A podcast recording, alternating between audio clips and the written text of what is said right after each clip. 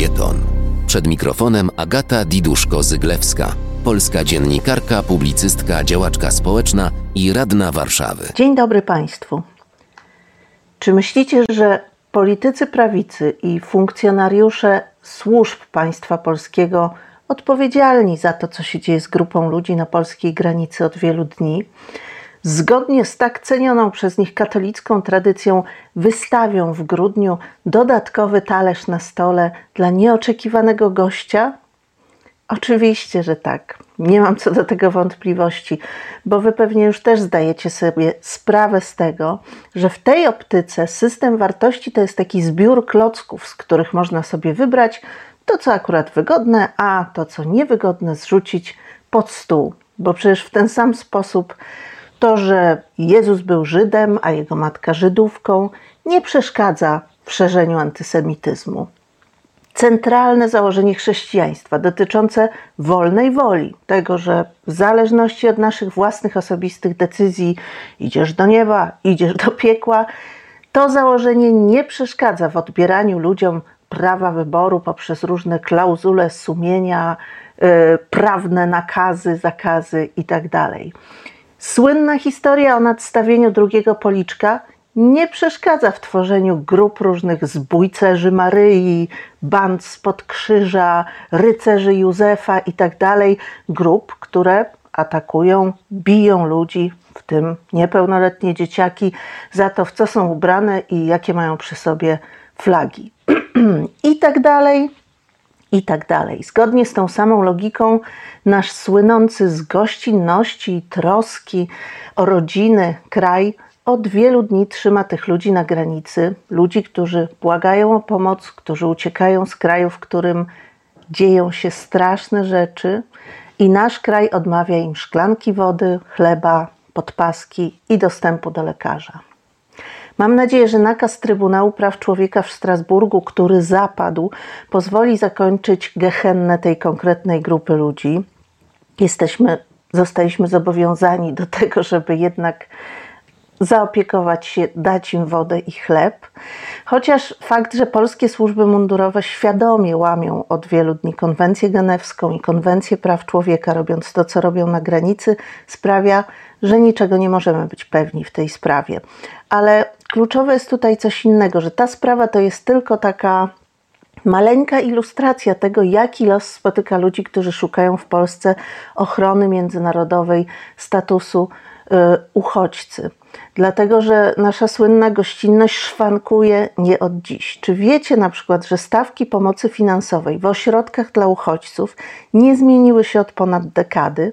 Chociaż już w 2014 roku była kontrola Najwyższej NIK-u, która zawierała wniosek, że te stawki są rażąco niskie. Jakie?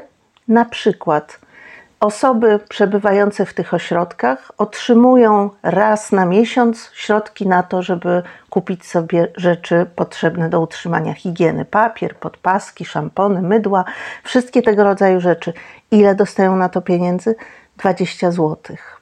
A jeżeli ktoś chce żyć poza ośrodkiem, gdzie warunki są dosyć ciężkie i poza ośrodkiem czekać na y, przyznanie statusu uchodźcy lub ochrony międzynarodowej, to państwo polskie daje mu na przeżycie poza ośrodkiem 750 zł. A jeżeli to jest rodzina, to ta stawka na każdą osobę się zmniejsza. Trzyosobowa rodzina ma się utrzymać za około 1200 zł. Spróbujcie w jakimś mieście za 1200 zł będąc matką z dwójką dzieci, wynająć mieszkanie, kupić ubrania, lekarstwa, jedzenie i przeżyć. Nie jest to proste, prawda? Raczej niemożliwe. Tak nasze państwo dba o osoby, które szukają u nas pomocy. W połowie sierpnia Robert Biedroń złożył w tej sprawie interwencję, pismo do Ministerstwa Spraw Wewnętrznych i Administracji, bo to, to ministerstwo wydało wiele lat temu rozporządzenie z tymi stawkami. Jestem bardzo ciekawa, czy doczekamy się y, reakcji, która byłaby adekwatna do naszej słynnej gościnności i jednak dopasowała stawki pomocy dla tych ludzi do rzeczywistości cenowej, która nas otacza. Myślę, że y, jako państwo jesteśmy to y, winni wszystkim ludziom, którzy szukają w Polsce pomocy, z tej prostej przyczyny, że jesteśmy krajem, którego obywatele i obywatelki musieli bardzo często szukać pomocy i gościnności w innych krajach i otrzymywali ją, jak wiecie. Przez ostatnie kilka dekad ponad, grubo ponad milion Polaków opuściło Polskę i byli to nic innego jak emigranci ekonomiczni, niektórzy byli politycznymi też, ale tak czy siak przyjęto nas w różnych krajach, pomimo różnic kulturowych i pomimo y, poczucia, że y, niekoniecznie wyjeżdżają tam y, ludzie, którzy na pewno nie mogą przeżyć w Polsce. Naprawdę powinniśmy to teraz oddać ludziom, którzy na pewno nie mogą przeżyć w Afganistanie, którzy są prześladowani przez reżim Łukaszenki i tak dalej. Jeżeli też macie takie poczucie i czujecie y, bezsilność w kontekście tego, co w tej chwili robi nasze państwo, to oczywiście, jak to często w ostatnich latach, możecie po prostu spróbować jako obywatele i obywatelki pomóc. Zachęcam Was do wejścia na profil, na stronę Fundacji Ocalenie, która od wielu lat skutecznie pomaga y, uchodźcom i uchodźczyniom.